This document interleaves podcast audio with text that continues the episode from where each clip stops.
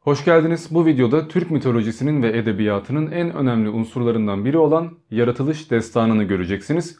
Ki daha böyle birçok destan videosu yapmayı planlıyorum ama öncelikle destan nedir? Bunun kısa bir tanımını, açıklamasını yapalım ve bunu da Profesör Doktor Umay Günay'dan alıntı yaparak aktaracağım. Bütün dünya edebiyatlarında olduğu gibi Türk edebiyatının da ilk örnekleri destanlardır. Türk edebiyat geleneği içinde destan terimi birden fazla nazım şekli ve türü için kullanılmıştır ve kullanılmaktadır. Eski Türk edebiyatı nazım şekillerinden mesnevilerin bir bölümü ve manzum hikayeler, anonim edebiyatta ve aşık edebiyatında koşma veya mani dörtlükleriyle yazılan veya söylenen, ferdi, sosyal, tarihi, acıklı veya gülünç olayları, tahkiye tekniği ile çeşitli üsluplarla aktaran nazım türüne ve bu yazıda ele alınan kainatın, insanlığın, milletlerin yaratılışını, gelişimini, hayatta kalma mücadelelerini ve çeşitli olay ve nesnelerle ilgili sebep açıklayan ve Batı edebiyatında epope terimiyle anılan eserlerin tamamı da Türk edebiyatı geleneği içinde destan adıyla anılmaktadır. Bütün dünya edebiyatlarının başlangıç eserleri olan destanlar, çeşitli konularda yaratılış hikayeleri yanında milletlerin hayatında da büyük yankılar uyandırmış bir kahramanın veya tarih olayının millet muhayyilesinde ortak sembol ve ifadelerle zenginleştirilmiş uzun manzum hikayeleridir. Destanlar bütün bir milletin ortak mücadelesini ortak değerler, kurallar, anlamlar bütünlüğü içinde yorumladığı ve yaşatıldığı toplumun geçmişini ve geleceğini temsil ettiği için dünya edebiyatının en ülkücü eserleri olarak kabul edilirler. Destanlar her zaman tarihi gerçekleri doğru biçimde nakletmezler. Destanlarda tarihi olay ve kahramanlar milletin ortak bilinçaltının, vicdanının, istek, beklenti, doğruları ve değerleri ile idealleştirilir ve eski hatıralarla birleştirilerek tarihi gerçekmiş gibi anlatılır.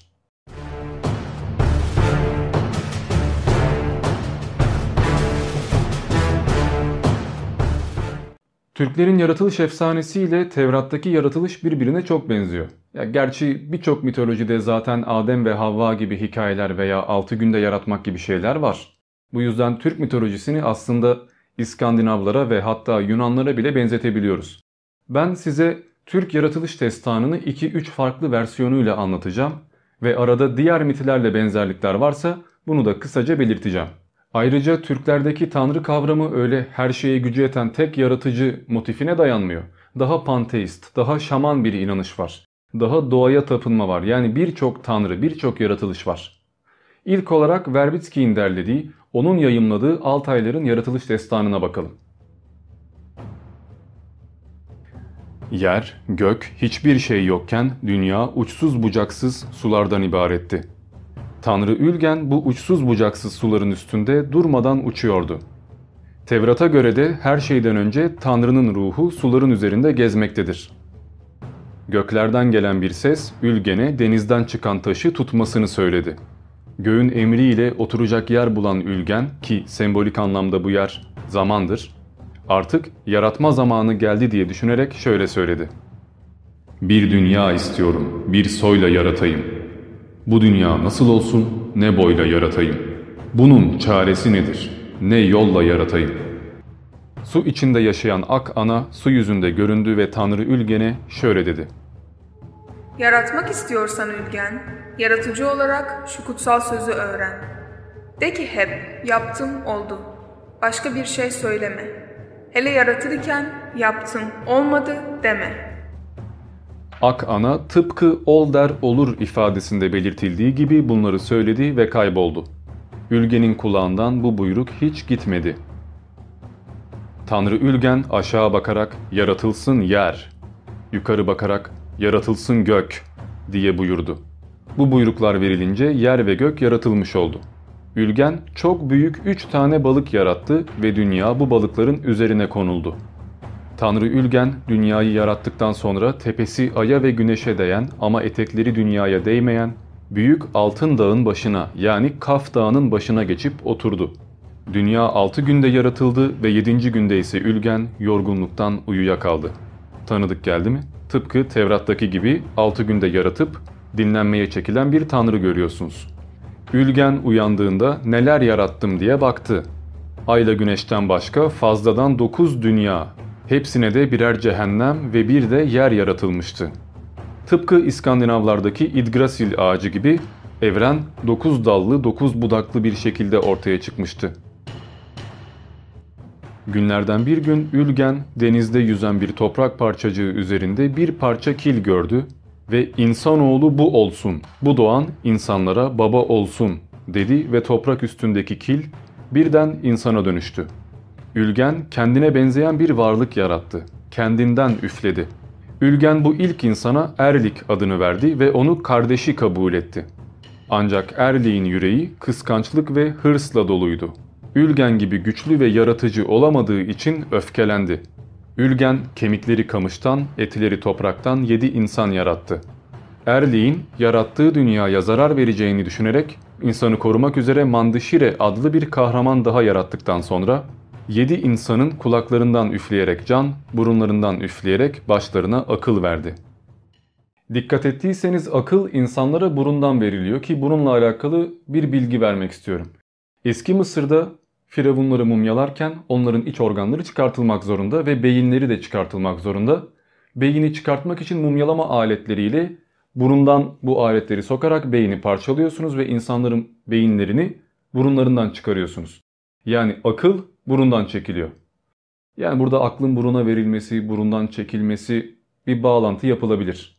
Yaratılış destanının bu bölümünden sonra artık insanların yaratılışı ve onların hikayeleri geçmeye başlayacak ve bu diğer destanlara bağlanacak. Bu yüzden burada kesiyorum. Farklı versiyonlarını da anlatarak sadece yaratılışa odaklanarak bununla alakalı bilgiler vermeye çalışacağım. Diğer konuları zaten diğer videolarda işleyeceğiz. Yakutulardan yani Sakalardan derlenen yaratılış destanı Altaylarınkine biraz benziyor ama tabii ki farklılıklar var. Sonuçta Türkler birçok boya ayrıldı. Maniheisti vardı, Şamanı vardı, Budisti vardı. Birçok inanca yönelmiş birçok Türk topluluğu vardı ve bunlar bazı kitabeler bıraktılar. Bazı kültürlerden, bazı dinlerden etkilenerek kendi destanlarını da biraz tekrardan yorumladılar. Bu yüzden dediğim üzere destanların farklı versiyonları olabilir. Bu sebeple bakın kesin olarak şu destan daha orijinaldir, daha Türktür demek doğru değil çünkü bunları bilemiyoruz. Farklı farklı varyantlar var, farklı farklı yorumlar var. Ancak Bahattin Ögel Türk mitolojisi kitabının birinci cildinde en başarılı ve doğru olan destanın Radloff'un çevirdiği Altay Yaratılış Destanı olduğunu söylüyor ki bu da biraz önce dinlediğiniz destana göre bir takım farklılıklar içeriyor. Daha hiçbir şey yokken Tanrı Kayra Han'la uçsuz bucaksız sular vardı. Ay, güneş veya toprak yoktu. Tanrı Kayra Han'ın canı sıkılıyordu. O yalnızlık içindeyken su dalgalandı. Ak ana sudan çıktı ve ona görünerek yarat dedi. Sonra yine suya gömüldü. Bunun üzerine Kayrahan kendine benzer bir varlık yaratarak kişi adını verdi. Kayrahan'la kişi sonsuz suyun üzerinde iki siyah kaz gibi rahatça uçmaya koyuldular. Ancak kişi kendisini yaratandan daha yüksekte uçmak istedi. Fakat uçamadı. Suya düştü. Boğulmak üzereyken Tanrı'ya yalvardı. Kayrahan yükselt emrini verdi. Kişi batmaktan ve boğulmaktan kurtuldu. Kayrahan dünyayı yaratmayı düşündü. Kişiye suya dal toprak çıkar emrini verdi. Fakat kişi bu sefer de kötülükler düşünmeye başladı. Toprağın bir kısmını ağzında sakladı. Kendine göre bir yer yaratacaktı. O da yaratan olacaktı. Avucundaki toprağı su yüzüne serpince Tanrı toprağa büyü emrini verdi. Bu toprak dünya oldu. Fakat bu emirle kişinin ağzındaki toprak da büyümeye başlamıştı. Kişi Tanrı'ya yalvardı. Tanrı tükür diye buyurdu. Kişinin ağzından dökülen ıslak toprak yeryüzüne serpildi. Yeryüzünde tepecikler oluştu. Buna kızan Tanrı kişiyi kendi aleminden kovdu ve ona Erlik yani şeytan adını verdi. Burada bir bakıma Erlik'i Vikinglerin Loki'siyle veya Yunanların Hades'iyle bağdaştırabiliriz. Şimdi devam edelim. Mitin devamı şöyle. Evren dokuz dallı bir ağaç gibiydi ve yerde de dokuz dallı bir ağaç bitti. Tanrı her dalın altında ayrı bir adam yarattı ve dokuz millet olsun dedi. Ki Türklerin dokuz Adem'den, dokuz boydan türemesi ve tokuzgus tanımı da buradan gelmektedir. Şimdi daha fazla ayrıntı bilgi vermeden devam edelim. Erlik bu insanları kıskandı. Onları kötülüğe sürükleyecekti. Böylece Erlik yeniden lanetlendi. Toprak altındaki karanlıklar aleminin üçüncü katına sürüldü. Tanrı kendisi içinde göğün 17. katında bir nur alemi yaratarak oraya çekildi. İnsanların büsbütün başıboş kalmaması için onlara gök oğulu yani Maytere'yi gönderdi. Erlik Kayra Han'ın katına çıkmak istedi. Gök oğlu Tanrı'ya bunun için yalvarmaya razı etti. Kendisine mühlet ve izin verilen Erlik kendisi için gökler yaptı. Kendisine bağlı olan kötü ruhlarla birlikte gökle yer arasında dünyada yaşayan insanlardan daha iyi bir hayat sürüyordu. Bu durum Kayra Han'ın canını sıktı. Erlik'in dünyasını yıkmak için kahraman Mandişere'yi gönderdi. Mandişere güçlü mızrağıyla vurarak korkunç şimşek ve gök gürültüleri arasında bu dünyayı parça parça etti. Bu parçalar insanlar için yaratılan ilk dünyanın üzerine düştü. Eski düz dünya artık engebeli bir hal aldı. Tanrı Erli'yi yeniden cezalandırdı. Onu yerin en alt katına sürdü. Dünyanın sonuna kadar orada kalmasını emretti. Göğün 17. katında kendisi, 7. katında gün ana, 6. katında ay ana oturmaktaydı ve Erlik artık yerin en altındaydı. Şimdi çoğunuz şöyle düşünebilirsiniz. Ya bu Erli'yi öldürsün kurtulsun niye bu kadar uğraşıyor ki? Niye bunu biz çekiyoruz ki? Fakat bunu biz İslami mantıkla düşünerek böyle söylüyoruz. Monoteist inançlar öncesinde şeytan da tanrı da aslında eşit karakterlerdir. Dualite mantığı vardır yani iyi varsa kötü olmak zorunda, karanlık varsa aydınlık olmak zorunda gibi gibi. Yani şeytan da gereklidir. O bir dengeyi sağlıyordur. Bu yüzden böyle mitoslarda mutlaka bu figürleri temsil edecek varlıklar bulunur. Böylece kaos kozmosa dönüşür ve yaratılış meydana gelir. Aslında size destanları anlatmadan önce tanrıları tanıtmam gerekir normalde. Yani işte bu şu tanrıdır, bu şuraya hükmeder gibi. Ama böyle bir giriş videosuna gerek görmedim. Zaten destanları işliyorken kişilerden, karakterlerden ve görevlerinden de bahsetmek zorunda kalacağız. Direkt destanları dinliyorken öğrenseniz daha iyi olur diye düşündüm. Çünkü başta ben size 20 tane tanrı ismi versem bile sonraki videolarda ben bu isimleri saydığımda çoğunu hatırlamayacaksınız. Burada bahsettiğim ve sonra bahsedeceğim destanlar milattan sonra 700'lere dayanan kitabelerden tercüme edildi. Ama tabii ki bu kitabeler yokken de böyle inanışlar, destanlar halk arasında vardı. Zaten bu yüzden bu anlatımlar Hristiyanlığa, Yahudiliğe veya Zerdüştiliğe benziyorlar. İran mitinde bile Hürmüz gökte oturan ve iyilik dağıtan tanrıdır. Ehrimen ise yerde duran ve kötülük yaratan tanrıdır. Tevrat'ta da Yahve isimli baş tanrı gökte oturur ve insanları izler. Yılan ise yeryüzüne sürülmüştür ve insanları saptırır. Bu mit Türklere de taşınmıştır fakat bu sefer yerdeki tanrı yer altına sürülen bir tanrıya dönüşmüştür. Tıpkı Hades gibi. Ama burada şöyle önemli bir nokta var. Biz mitolojilere baktığımızda ne görüyoruz? Genelde bir baş tanrı var. İyilik tanrısı, evreni ve her şeyi o yaratıyor. Ve onun yarattıklarından birisi kötü bir varlığa dönüşüyor. Şeytan oluyor, iblis oluyor vesaire. Fakat aslında bu böyle değil. Antik dinlere baktığınızda bütün bu şeytan mitlerinin kökenine baktığınızda aslında iyi veya kötü diye sıfatlandırılmış varlıklar yok. Şeytan da Tanrı kadar gerekli ve önemli. Evrendeki denge için şeytan da Tanrı ile birlikte var olan yani biri birini yaratmayan ikisi de mecburen zaten ezeli ve ebedi olan iki varlık vardır. Zira okültist dönemlerde ve inançların sembollerle ifade edildiği zamanlarda iyi veya kötü kavramı varlıklara ait değildir. İyi de olması gerekendir, kötü de olması gerekendir. Bu tanrılar evrenin başlangıcından beri zaten varlardır, sadece sıra sıra uyanırlar. Ve ilk uyanan en eski tanrı olur ya da baş tanrı olur. Ya da şöyledir, bunlar gece ve gündüz gibi sürekli savaşan iki varlıktır.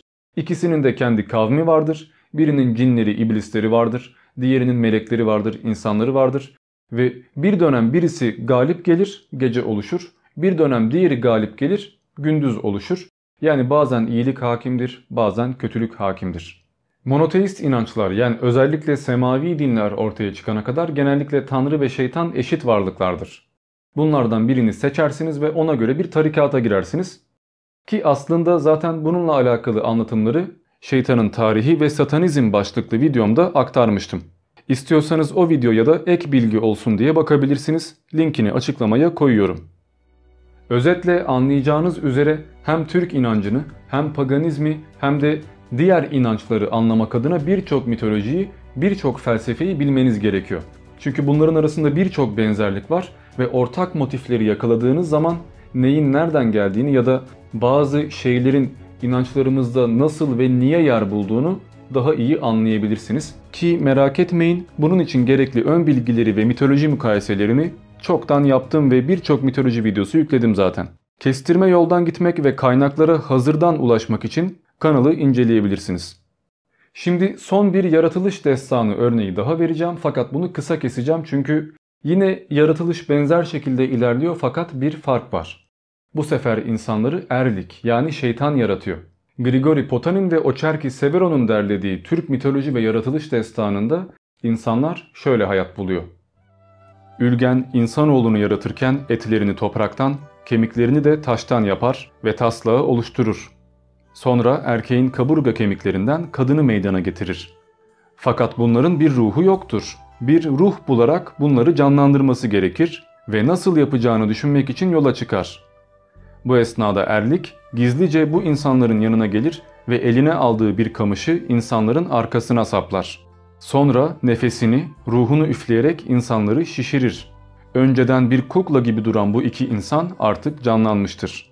Erlik orayı terk eder ve Ülgen geri döndüğünde bu duruma oldukça sinirlenir. Bunları öldürüp yeni bir insan mı yaratayım yoksa bunları kendi halinde mi bırakayım diye düşünmeye başlar. Bu esnada ortaya bir kurbağa çıkar ve Ülgen'e şöyle bir tavsiye verir. Onları yok etmen neye yarayacak? Bırak, yaşayanı yaşat, öleni de öldür. Ülgen bu öğüdü dinler ve insanları kendi hallerine bırakıp gider. Bu yüzden insanlarla ilgilenen, onlara tanrılık yapan, onları yöneten varlık Ülgen değil, Erlik olur. Bu mantıkla bakarsanız aslında dünyadaki bütün mitolojiler ve bütün dinler aslında Erlik'in yani şeytanın gönderdiği dinlerdir ve insanlar Allah'a tapıyorum diye şeytana tapıyorlardır. Şimdilik bu kadar. Ben Diamond, görüşmek üzere.